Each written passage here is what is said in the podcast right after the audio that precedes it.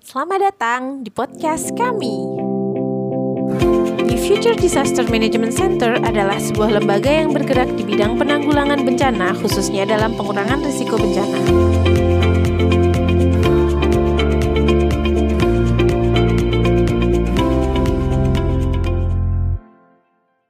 Sahabat siaga di mana pun berada, semoga sehat selalu ya. Episode perdana kali ini kami akan ngebahas topik yang lagi hype banget nih sekarang tentang COVID-19. Kenapa sih COVID-19 dikategorikan sebagai bencana? Selama ini ketika kita mendengar kata bencana, yang ada dalam pikiran kita tuh tentang gempa, banjir, longsor, dan lain-lain gitu. Kalau yang kayak gitu udah nggak asing lah ya. Apalagi memang negara kita ini rawan banget terhadap bencana. Tapi nih eh, baru-baru ini di seluruh dunia diramaikan dengan kejadian munculnya COVID-19 dan di Indonesia sendiri hal ini dikategorikan sebagai bencana di mana masa tanggap daruratnya ditetapkan selama 91 hari sampai tanggal 29 Mei 2020. Nah, salah satu bentuk kepedulian NFDMC dalam pengurangan resiko bencana COVID-19 ini, eh, saya Nurul dari NFDMC kali ini akan berbincang santai dengan Dr. Nisa Salsabila. Dr. Nisa saat ini adalah salah satu dokter umum di sebuah klinik di Bekasi dan pendiri komunitas 9CM. Podcast pertama kita kali ini kita akan membahas tentang bagaimana seharusnya sikap kita terhadap bencana COVID-19 ini. Nah, di sini sudah ada Dokter Nisa. Apa kabar, Dok? Halo, Assalamualaikum semuanya. Alhamdulillah sehat. Mbak Nurul gimana kabarnya? Baik, baik. Gak usah tegang dong. jadi itu ceritanya kan COVID ini kayak makin uh, hits gitu ya. Maksudnya semuanya membahas tentang itu. Tapi di satu sisi orang-orang yang ada di daerah bahkan keluargaku nih di Jawa kayak gitu kan di di Magelang kayak gitu. Itu tuh nggak ngerasa loh kalau ini tuh seurgent ini dan sepenting ini untuk kita mulai apa namanya di rumah aja misalnya kayak gitu. Nah, seberapa berbahaya sih si COVID-19 ini dan kira-kira ke depannya nih kalau secara perkiraan gitu, apakah memang benar-benar akan sampai ke desa yang kalau secara logika sekarang tuh nggak mungkin gitu. Dari mana itu virus bisa sampai desa yang orang-orangnya bahkan nggak pernah pergi ke mana-mana kayak gitu. Orang-orang di Bekasi, orang-orang di Bogor, orang-orang di Jakarta yang memang mereka mata pencahariannya sehari-hari seperti buruh, itu mereka pasti berpikiran ya kalau misalnya saya hanya mengurusi si virus covid ini ya nggak bisa makan mereka kayak gitu. Jadi ya mau Iya nggak sih. mau mereka harus tetap keluar rumah tetap cari nafkah tetap kumpul sama banyak orang dan segala macam. Ya kalau misalnya kita mau lihat apa ya, prediksinya ya dari peneliti-peneliti sebenarnya covid-19 ya Hmm, covid-19 ini kenapa sih bisa dibilang bahaya banget gitu? Karena satu di kita belum tahu banyak tentang virus ini gitu. Ini virus benar-benar baru banget.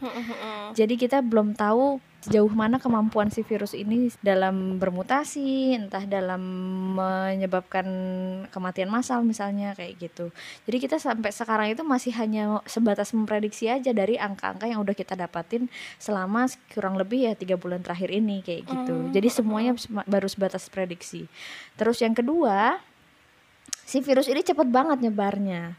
Nah, jadi kita nggak tahu ini fenomena gunung es banget gitu. Kita nggak tahu orang seberapa banyak yang benar-benar sudah terinfeksi dan dibandingkan dengan orang yang memang sudah dinyatakan positif kayak gitu loh. Karena memang ya itu tadi ada faktor-faktor kayak daya tahan tubuh kita. Terus kemudian ada juga faktor-faktor banyaknya testing kit di suatu negara misalnya kayak gitu dan segala macam. Itu yang kedua. Jadi kita nggak tahu sebarannya itu sebenarnya sekarang udah sampai sejauh mana terutama di Indonesia ya. Kayak gitu. Terus yang ketiga, kenapa dia bahaya banget? Sejauh ini dari angka yang didapetin itu dia dibandingkan dengan flu SARS-CoV-1 aja itu udah 10 kali lipat eh, angka kematiannya lebih tinggi daripada di maksudnya dari mulai kita diumumin gitu pertama kali yang kena sampai betul, sekarang kayak betul, gitu. sampai Oh. sekarang itu kan kematian rata-ratanya di seluruh negara itu sekitar 3,3 persen. Nah itu tuh jauh lebih tinggi dibandingkan flu biasa yang hanya sekitar 0,1 sampai 0,3 persen. Jauh lebih tinggi juga dibandingkan SARS, MERS yang hanya satu persen. Tuh dulu SARS, MERS itu hanya kematiannya 800 dari 80 ribu kasus jadi ini jauh lebih besar kayak gitu sejauh ini yang udah Sejauh ini didapetin gitu. nah makanya kita belum tahu nih jadi sebahaya apa kayak gitu karena vaksinnya juga belum ada kan Vaksinnya belum ada juga ya, Iya. beneran. Terus kalau yang dimaksud dengan virusnya ini tuh selesai gitu tuh parameternya gimana sih dok? Eh, jadi kalau berdasarkan hitung-hitungan ya, ini virusnya ini kan pasti akan mencapai puncak transmisinya, puncak an- Penularan endem- gitu. penularannya. Oh, penularan gitu. Heeh, dikatakan sudah selesai ya yang pasti kalau kita sudah menemukan obatnya atau sudah menemukan vaksinnya. Oh. Heeh. Tapi selama belum menemukan itu, ya berarti kan akan terus bertambah nih orang-orang yang terinfeksi.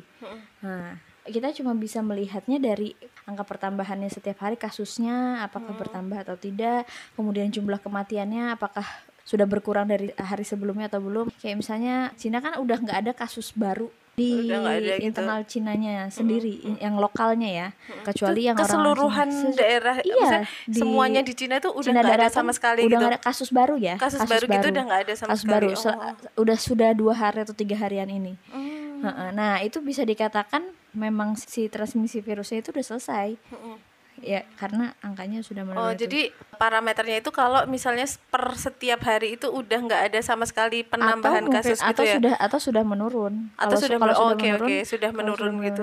ya prediksinya aja Jerman ya Heeh. kemarin kanselirnya Jerman tuh udah ngasih pengumuman prediksi dia per akhir tahun 2020 ini sekitar 70% penduduk Jerman bakal udah terinfeksi sama virus ini kayak gitu. Eh, itu tuh berarti maksudnya Prediksinya. semua mitigasi, semua cara udah dilakukan Iya. tapi tetap yang terkena tuh 70% atau gimana Betul. sih? Perkiraannya seperti itu. Oh gitu. Jadi walaupun Iya. kita udah kayak ngelakuin social distancing kayak gitu Betul, tapi tetap betul. bakal sebanyak itu yang Tetap kena. bakal sebanyak Oh, itu. oke, oke. Tujuan kita dari melakukan social distancing sekarang rumah dulu aja dan segala macamnya itu hanya dalam rangka memperlambat penyebaran virusnya. Jadi kita Oh, buying oke. time. Jadi kita memberi waktu kepada tenaga kesehatan untuk mengobati pasiennya tidak tiba-tiba melonjak gitu angka pasiennya. Nah, supaya angka penambahan jumlah orang yang terinfeksinya itu seiring waktu itu nambahnya itu tidak terlalu ekstrim Hmm. kayak gitu. Tapi pada akhirnya semuanya akan terinfeksi kayak Oh, gitu. gitu. Nggak Akan semuanya, banyak gitu akan ya, akan banyak, yang akan banyak, akan tetap tetepan. banyak Oke. secara jumlah ya. Hmm, secara Tapi jumlah. secara waktu itu akan jauh lebih panjang dan itu akan memberikan waktu lebih kepada tenaga kesehatan untuk merawat orang-orang yang memang membutuhkan saat itu. Kemarin tuh ada yang bilang ya virus ini kan ini kan virus ya. Jadi kalau orang udah kena katanya nggak bisa kena lagi. Tapi ada yang bilang virus ini karena dia tuh nyerangnya tuh RNA ya. eh, nanti tolong dibenerin ya kalau salah ya. Kemarin tuh ada yang bilang gitu karena dia nyerangnya RNA jadi kalau ada orang kena ada kemungkinan dia kena lagi. Kalau itu eh, sebenarnya gimana tentang si Kalau- COVID ini? Iya itu belum diketahui pasti ya kalau Hmm. misalnya itu karena memang yang diketahui sekarang cuma ya itu virusnya virus RNA Hmm. terus kemudian dia menyerangnya itu dia punya key unlocknya itu dengan organ sistem paru-paru kita. Tapi ya kalau misalnya untuk reinfeksi itu belum belum oh belum, tahu. ada. Bahkan itu belum ada kepastian belum juga ada ya. Kepastian Oh, iya. betul. Yang Saking- saat ini diketahui yang tentang dia bisa hidup berapa lama di mana di media apa di media apa itu juga semuanya baru prediksi berdasarkan si virus SARS-CoV-1 sebenarnya yang SARS-CoV-2 ini belum belum ada kepastian Betul, validnya belum, gitu ya? belum oh oke oke. Jadi kita cuma bisa memprediksi dari saudara saudara dia doang. Jadi kesamaan yang paling deket kayak gitu ya Heeh, COV betul. satu gitu. Itu pun kan cuma kesamaan mereka kan cuma 80-an persen. Jadi masih masih nggak pasti angkanya. kalau info-info nih dari mungkin dari lingkaran yang teman-teman kesehatan gitu sebenarnya vaksinnya itu udah ditemuin apa belum sih apa emang beneran belum nih kali Nggak aja tahu ya, kayaknya itu baru hoax deh. yang udah nemu Iya, itu berapa sih hoax katanya- gitu ya Iya, banyak banget ya berita berseliweran ya iya katanya. heeh. Di Israel udah ada Trump Di katanya itu? mau mau ada vaksinnya segala macam ya, tapi belum ada berita valid tentang itu sih sampai sekarang. belum ada fixnya ada gitu sih, ya, ya. Oke, jadi yang paling sederhana nih kita memang beneran harus di rumah aja gitu ya? Atau gimana sih? Betul.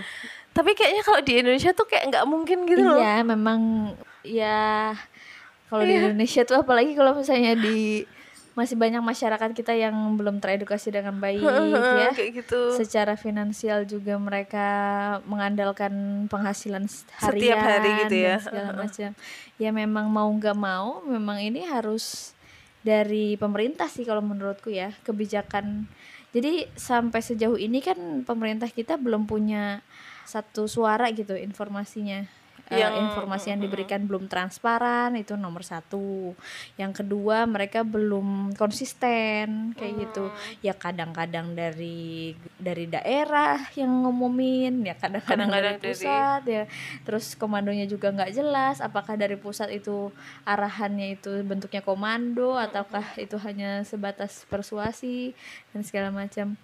Itu masih belum jelas jenjangnya. Jenjangnya oh, Heeh, oke. gitu. Nah, itu sih yang menurutku fatal banget kalau buat ke daerah-daerah gitu. Karena ya kalau hanya mengandalkan info yang disebarluaskan sama saintis misalnya atau yang disebarkan sama wali kota aja misalnya ya. wali kota Ya, gitu. oh, ini kan sebenarnya wali kota wali kota aja udah misalnya ngebubarin kayak nggak boleh sholat jamaah kayak gitu nggak boleh ada kegiatan-kegiatan kegiatan. sama gitu. Kegiatan bersama. Tapi kan tetap aja selama belum ada perintah tegas dari pusatnya belum ada konsekuensi kalau misalnya kita tetap ngelakuin itu Jadi masyarakat kita gitu ya? bakal tetap tetap aja menganggap remeh gitu loh. Pada kenyataannya kan seperti itu. gitu makanya kalau menurutku sih ya bener-bener harus dimasifkan dari pemerintah pusatnya. Ya dari mulai di TV misalnya atau di iklan-iklan di baliho semuanya segala macam yang bisa dilihat langsung gitu ditonton sama masyarakat. Dan tidak hanya sebatas himbauan gitu berikut juga arahan yang jelas misalnya tetap ada ini misalnya akan dibubarkan oleh pihak aparat misalnya kayak gitu. Supaya masyarakat juga ngerasa bahwa ini serius loh ternyata kayak gitu. Kalau ya sekarang tuh kayak simpang Oke. siur juga. Iya, jadi sebenarnya masih boleh nggak sih soal jamaah di masjid? Kayak masih masih masih ngerasa kayak masih gitu ya? gitu. Jadinya ya, eh, jadi orang-orang kayak masih ngerasa ini ah boleh kali gitu. tuh ada yang sampai bilang ini tuh karena media aja. Media tuh bikin Nge-blow kita jadi aja oh gitu. kita jadi panik dan takut kayak gitu Iya, iya, katanya iya. padahal sebenarnya kalau kita lihat sebenarnya emang covid 19 ini emang semengerikan itu ya kalau misalnya Iya, kita kan per hari ini gitu. aja udah 13.000 ribu kematian padahal hari kemarin itu masih 11.000 ribu pusatnya di epicentrumnya di Cinanya udah nggak nambah habis. kan jadinya ini penyumbangnya sekarang udah dari seluruh dunia, Seluruh dunia. kan dan ini benar-benar harus serius gitu kalau misalnya kita nggak mau ini jadi tanda kutip ya proses seleksi alam oh iya. yang akan membinasakan sekian persen Penduduk dunia penduduk kayak gitu ya. dunia, ya kita harus benar-benar serius dari sekarang gitu. Ya, kecuali kalau kita emang mau mengikhlaskan aja. Ya udahlah udah sih, kayak gitu seleksi ya. alam masih banyak manusia di bumi bumi ini kecuali mau kayak gitu. Kemarin tuh pernah baca ini loh ada istilah herd immunity Ah, nggak oke, sih? herd jadi kalau kalau menurut dokter gimana tuh Ya, jadi kalau herd immunity itu udah disangkal ya. Kemarin itu yang mewacanakan tentang herd immunity itu dari UK. Heeh, jadi Oh iya, mereka Inggris ya, memprediksi, benar-benar. heeh, memprediksi kalau misalnya sekitar eh, 60-70% penduduk dunia memang udah kena gitu kan. Nah, akhirnya kita sudah mempunyai kekebalan tubuh terhadap virus ini. Nah, akhirnya ya udah si virus ini gak bakalan bakal selesai kayak gitu loh tanpa kita harus menemukan vaksinnya apa semuanya segala macam. Jadi kita mengandalkan herd immunity ini aja kayak gitu. Kita tinggal nunggu sampai sekian persen. Jadi dia tuh malah gitu. dia tuh malah kayak ya udah sebarin aja sebanyak-banyaknya gitu. Jadi semakin banyak orang yang kena, semakin mungkin kita punya herd immunity gitu loh. Semakin cepat kita punya herd immunity juga. Tapi itu udah disangkal sih. Jadi itu dasarnya masih kurang kuat sehingga nggak bisa dipakai. Oke, Kayak itu. oke. Terlalu besar resikonya kalau kita ternyata itu salah gitu. Oh, kalau iya, tahu, ternyata tahu, itu.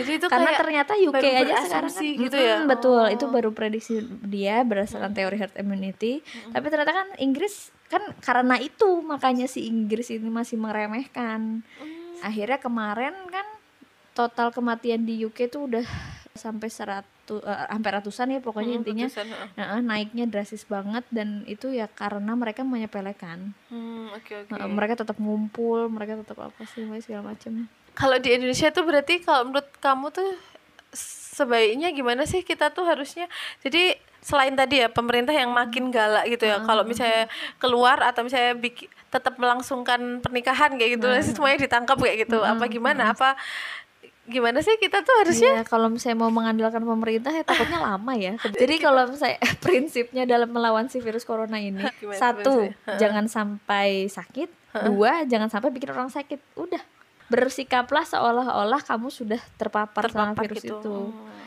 Jadi jangan berpikiran kamu sehat-sehat aja atau orang lain sehat-sehat aja.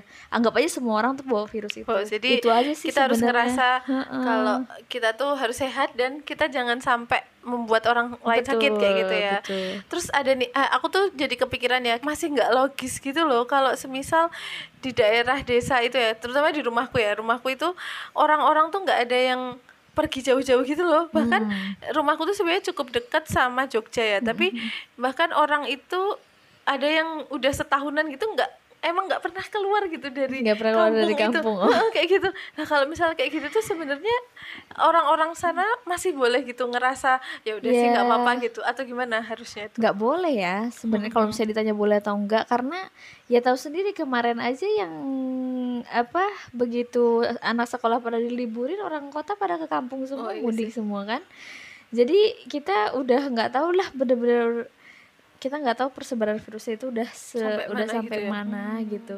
Ditambah lagi ya kalau misalnya di desa ya eh nauzubillah kalau misalnya di desa ternyata nanti pada akhirnya akan ditemukan dan naik sementara mereka jauh dari rumah sakit rujukan fasilitas kesehatan di sana juga misalnya kamar isolasi cuma berapa di rumah sakit umum daerah misalnya kan itu akan sangat rawan kolaps ini apa sistem kesehatan apalagi oke. terutama di kampung di desa ya yang jauh dari kota yang jauh dari akses untuk tes aja untuk tesnya aja mereka akan jauh harus gitu iya loh, sih jauh harus banget. beda harus ke provinsi Iya sebelah kan, kayak gitu. heeh, Iya. makanya jadi kalau misalnya mau beras- mau berasumsi sih sebaiknya jangan ya kalau misalnya menurutku sih apalagi udah banyak orang kota yang pada malah jadi Malah ke mudik kota. malah malah Pusing jadi sih kayak gitu ya? jadi liburan. Ada pusing banget deh.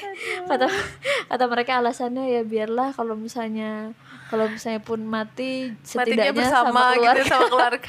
mana ada kayak gitu aduh. Terus nanti nggak mikir ya namanya- yang namanya- iya, yang udah tua kayak gitu juga. segala macam ya itu namanya mereka egois egois, gitu ya. iya betul. Egois banget Gitu. Kalau menurut perkiraan gitu tuh ini kemungkinan terjadi berapa lama sih? kalau dari prediksinya kalau untuk vaksin ya eh, vaksin itu butuh sekitar 12 sampai 18 bulan buat menemukan. Lama banget, 12 iya, sampai lama 18 bulan. banget. Jadi ya kalau misalnya mau prediksi kita berapa lama harus diem di rumah kayak begini ya sekitar itu ya. Cuma ya mungkin kita bisa ngelihat dari angka persebaran kayak gitu. Kayak di Cina kan sekarang di stop lockdownnya karena mereka angka angkanya udah nggak nambah lagi angka transmi apa angka kasus baru di lokalnya nah apa nggak menutup kemungkinan nanti akan ada lockdown lagi kalau ditemukan angka kasus baru lagi.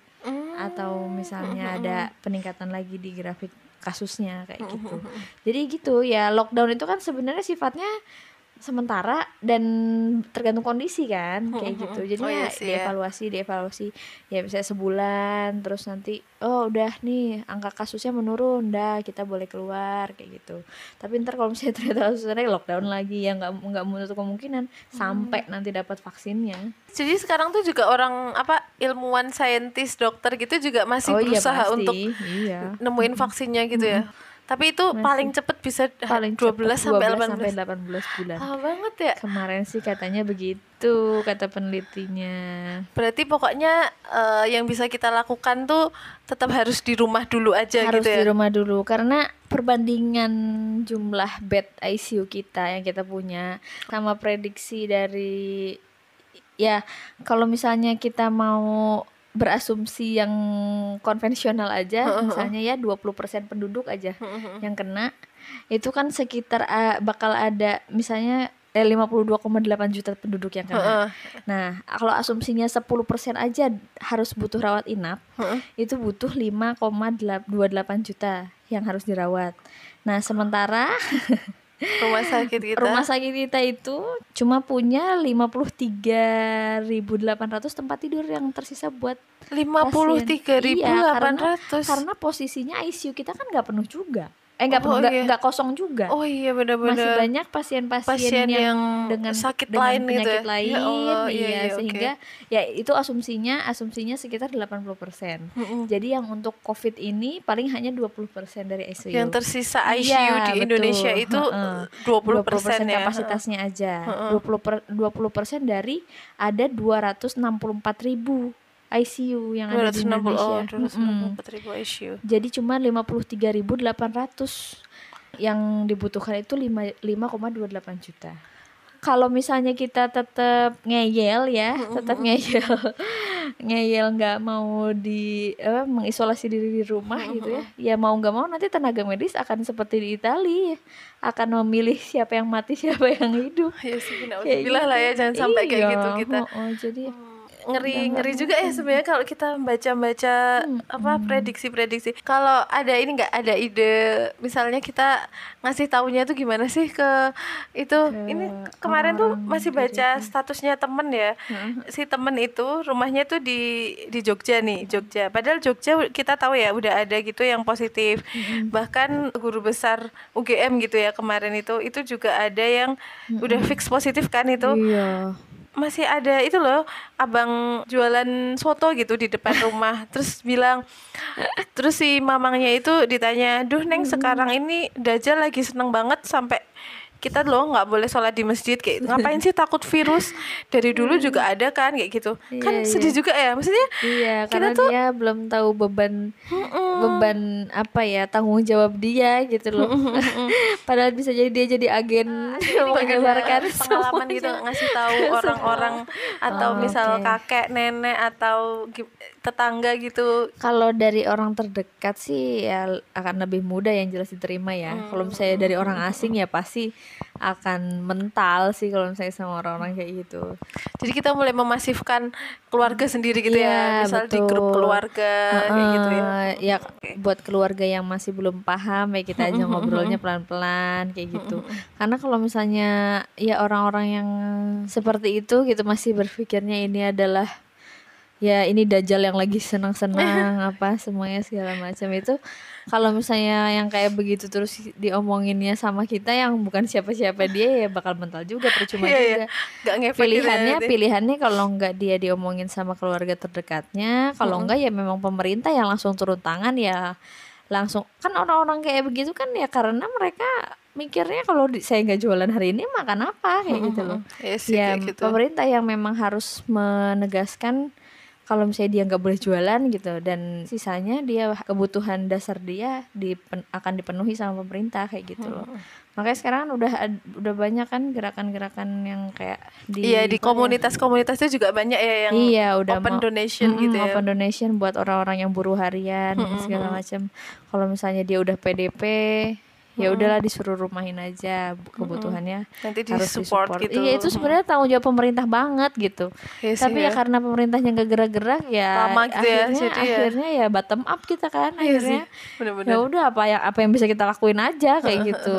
Berarti ya Gitu sih. hal paling sederhana yang bisa kita lakukan tuh selain di rumah aja mungkin kita bisa bantu teman-teman yang nggak punya privilege buat W- Betul, WFH betul. kayak gitu ya. Jadi ya donasi di mana aja lah terserah ya itu. betul, betul, Bisa betul. bantuin mamang-mamang yang kayak gitu Iya, gitu. itu akan menyelamatkan kita nggak tahu akan menyelamatkan berapa banyak Iya orang sih gitu loh. bener-bener bener. Ya ini memang lagi krisis banget ya. Jadi ya masalahnya kita nggak tahu musuhnya se seberat apa yang akan kita hadapi gitu loh. Makanya kita harus prediksi prepare for the worst gitu loh. jangan berspekulasi, eh, jangan meremehkan. Ya panik juga nggak nggak harus panik gitu. Kan pemerintah juga udah bilang kalau stok makan kita cukup gitu kan menteri Perta- pertanian Udah semuanya bilang gitu. macam bilangnya gitu ya nggak tahu sih wallahu alam yang yang dia maksud cukup itu untuk berapa bulan ya nggak tahu oke. ya Iya sih. apakah Terus itu cukup setahun? untuk mencukupi siapa Iya, gitu ya. mencukupi berapa banyak orang dan mencukupi untuk sampai berapa lama kita nggak tahu ya tapi iya, ya iya, iya. Tapi ya yakinlah Indonesia bisa kok sebenarnya kalau misalnya orang-orangnya diatur mau, Mau gitu, gitu ya. terus nggak pada serakah juga kan yang sekarang terjadi juga kan orang-orang pada panik panic buying dan segala macamnya yang malah bikin stok pangan jadi mahal jadi menipis itu juga kan nggak beres Masker juga nggak kan. ada gitu Iya, ya. masker nggak ada padahal itu? tenaga medis pada butuh ya jadi kita harus waspada tapi ya jangan ngeselin juga gitu loh jangan jangan udah Waspada kayak tapi jangan ngeselin ya Heeh, gitu. Jadi jangan kayak jangan bersikap seolah-olah besok dunia kiamat itu loh beli kardus Indomie sampai berapa dus. Tinggi-tinggi gitu ya. Iya, kayak gitu ya kecuali emang jualan ya.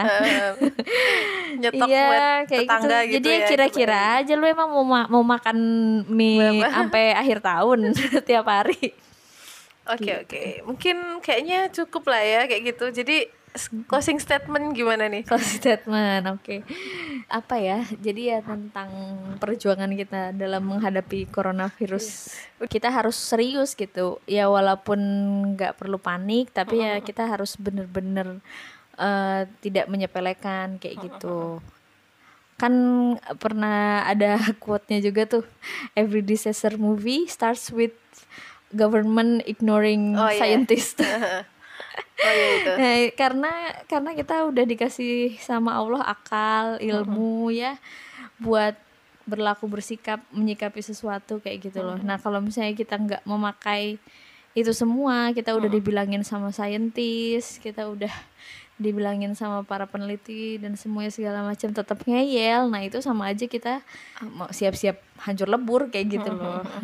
Jadi disasternya itu benar akan datang. Jadi ya kalau misalnya si saintis-saintis itu udah pada bilang, yang paling efisien dilakukan sekarang adalah udah self isolating.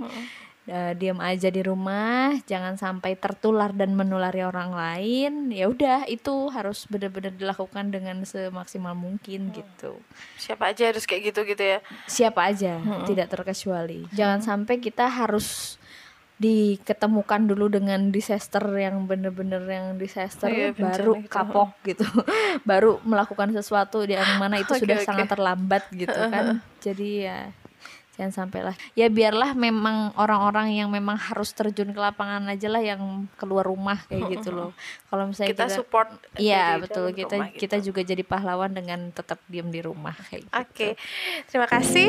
Eh, demikian bincang kita siang hari ini. Wassalamualaikum warahmatullahi wabarakatuh. Waalaikumsalam